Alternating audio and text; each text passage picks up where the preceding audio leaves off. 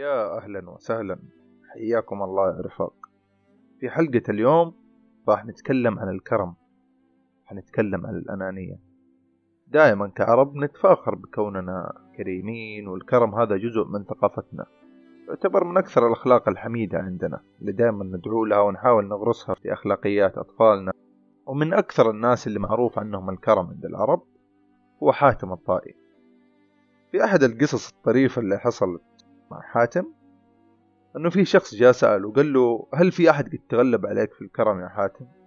قال له نعم في يوم من الأيام كنت ماشي في طريقي وعديت على فناء غلام يتيم فاستضافني عنده وكان عنده عشرة من أغنام فقتل أحد هذه الأغنام وذبحها وقام طبخها وقدم لي الدماغ فاستطبت الدماغ هذا وقلت إنه ما شاء الله يعني عجبني فيقول إلا الغلام هذا قام وقام يذبح الأغنام هذه راس راس وكل شوية يقدم لي من الدماغ هذا. إلا وأنا طالع خارج من بيته وألاقي فناء البيت يعني أو الحوش مليان دم. فسألت الغلام قلت له يعني ما عندك إلا عشرة أغنام ذابح لي إياها العشرة كلها ليش؟ شوف شوف رد الغلام إيش قال له. قال له تستطيب شيئا أملكه فأبخل عليك به إن ذلك لسبة على العرب قبيحة. فقام الرجال سأل حاتم قال له بماذا عوضته؟ قال حاتم أني عوضته بثلاثمية ناقة حمراء وخمسمية رأس من الغنم. قام الرجال قال له إنه يعني ما شاء الله أنت أكرم منه يا حاتم. فقال لا هو قدم كل ما لديه أما أنا قدمت قليل من كثير. فهذه أحد القصص عن الكرم. بحلقة اليوم راح نعرض شخصية أو نعرض أفكار شخصية تزعم الإيثار والكرم وتقديم الآخرين على نفسك. فعل غير أخلاقي وأنه من أهم مسببات التعاسة. تعتبر الشخصية هذه أيضا أنه فلسفة الإيثار فلسفة غير عقلانية وغير ناضجة لأنها تحدد أخلاقية فعلك بناء على المستفيد منه. كمثال إذا كان فعلك هدفه أنك تفيد نفسك فأنت شخص أناني وفعلك غير أخلاقي. طيب قبل ما نخش في موضوعنا اليوم خليني أحكيكم شوية عن نشأة الشخصية هذه. لأنه كلنا نعرف أنه نشأتنا تأثر على أفكارنا وتوجهاتنا. وقد ما حاولنا نكون موضوعيين إلا أنه أفكارنا ومبادئنا تحكمها تجاربنا. طيب مين هي شخصية اليوم؟ شخصية اليوم هي الفيلسوفة آين راند. ولدت آين راند في روسيا سنة 1905 أبوها وأمها كانوا يهوديين وكانت العائلة عايشة في ظروف معيشية مريحة. وهذا بسبب أنه أبوها كان صيدلي ناجح وشاطر. راند من طفولتها كانت حاسة أنها غير الأطفال الباقيين. كمثال تعلمت راند القراءة في عمر السادسة. ولما صار عمرها تسع سنين قررت راند أنها راح تصير كاتبة. واللي يعتبر حلم غريب بالنسبة لطفل طبعا في روسيا في هذاك الوقت البلد كانت تمر بثورات دموية جدا. هذا بالتالي راح يأثر على استقرار البلد مستقبلا. وشعور الأمان فيه. عاصرت راند في فترة مراهقتها في سنة 1917 الثورة الروسية وحرب العصابات البلشفية. بسببها أبوها أفلس وتم تجريدهم من كل ممتلكاتهم من قبل الجنود البلشفيين واللي بالتالي خلاهم يعيشون في فقر شديد وظروف صعبة. نتيجة لهذا الفقر انتقلوا إلى مدينة أخرى. هذا الشيء ترك أثر كبير على شخصيتنا. اللي بدأ ينمو عندها معارضة شديدة لأي تدخل حكومي في حياة الأفراد واستقلاليتهم. لأنها واجهت وعرفت لأي مدى ممكن يوصل تجبر العسكر والحكومات إذا سمح لهم. بعد ما خلصت راند الثانوية رجعت هي وأهلها لمدينتهم الأصلية ألا وهي مدينة سانت بيترسبرغ.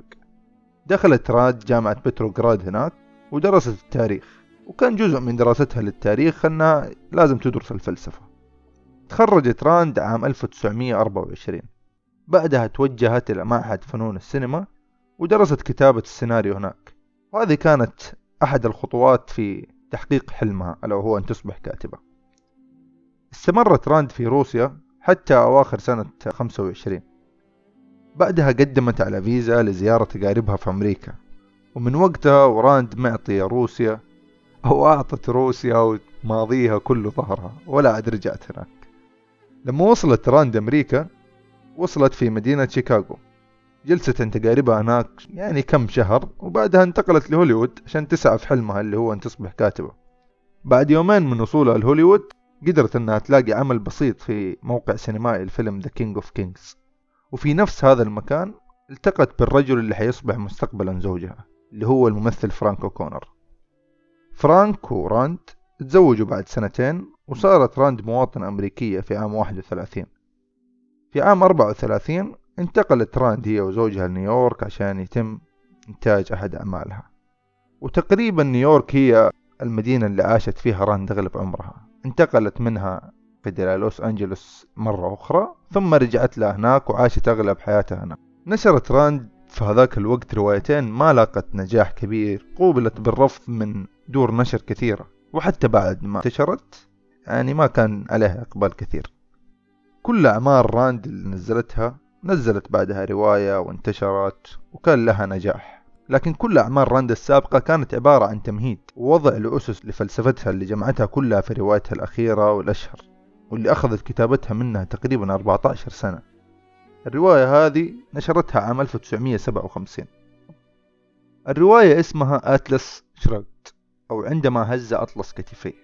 والرواية هذه طويلة جدا تتعدى الألف صفحة. فيها راند تتخيل عالم ديستوبي. صارت فيه الحكومة ألا وهي الحكومة الأمريكية حكومة فاسدة.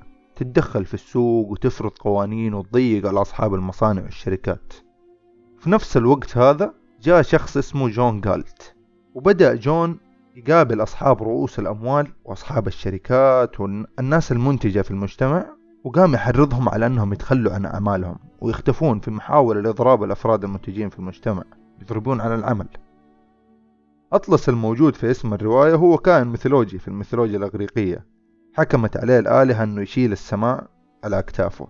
في الرواية هذه أو في الاسم راند بتتساءل أنه إيش راح يصير لو قرر أطلس أنه ينزل السماء من أكتافه أو أنه ييأس من العمل اللي هو قاعد يسويه.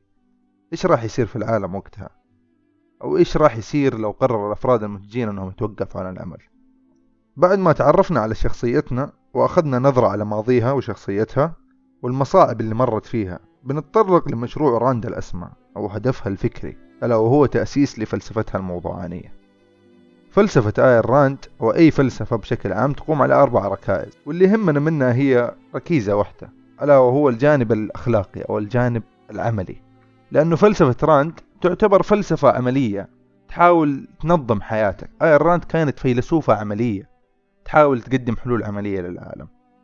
في الجانب هذا اللي هو الجانب الأخلاقي راند تؤمن بمبدأ النفعية الذاتي وأن الإنسان غاية وليس وسيلة. لذلك يجب أن يكون هدفه الأخلاقي في الحياة هو سعادته ومنفعته الشخصية.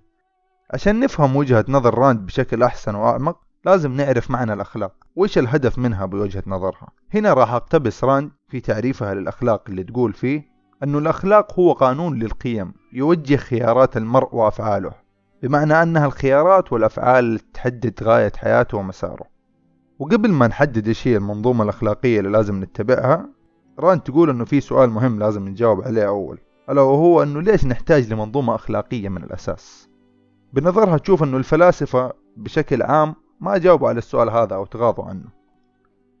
في إجابتها عن السؤال هذا تبدأ ران بتعريفها للقيمة الأخلاقية أو بتعريفها للخير وتقول أنه هو ما يسعى المرء لاكتسابه أو المحافظة عليه. التعريف هذا يفترض مسبقا وجود كيان يسعى لتحقيق أهداف في مواجهة بدائل أخرى للهدف والبديل الرئيسي اللي يواجهه أي كيان هو يا الحياة أو الموت. بما معناه أنه كل خيار يتخذ الإنسان راح يكون في سبيل زيادة فرص حياته وأن الحياة هي الظاهرة الوحيدة اللي تشكل غاية في حد ذاتها وأن الأهداف والغايات كلها وسائل للحفاظ على القيمة الأهم ألا وهي البقاء. بمعنى آخر ران تشوف معيار أي قيمة أخرى هو أنه اللي يعزز بقاؤه خير وكل ما يهددها شر. بناء على كلامها أنه الحياة هي المعيار والهدف لكل قيم الإنسان فبذلك يجب إذا تفسير كل قيمة من الطعام والمأوى إلى الفلسفة والفنون والأخلاق على أنها متطلبات أساسية لبقائه.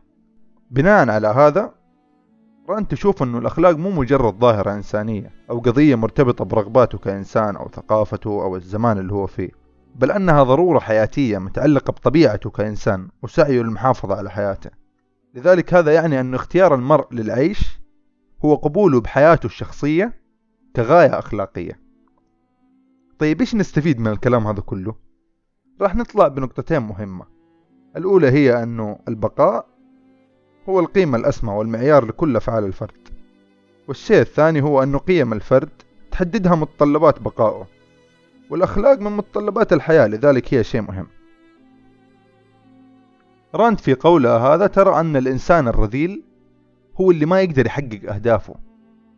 وتستشهد بالناس اللي عاشوا تحت الأنظمة الظالمة والدكتاتورية وأن الناس اللي يتبعوا هذه الأنظمة يرتكبون رذيلة لأنهم يسعون في أهداف غيرهم. وحتى إن كانت رذيلتهم الأخلاقية نابعة من اتباعهم ومحاكاتهم للآخرين إلا أن وجودهم مقلق لأن عندهم قابلية يتبعوا أي مجرم أو مخرب يوعدهم بالخلاص على يده. كمثال يعني نقدر نشوف الألمان واتباعهم لهتلر.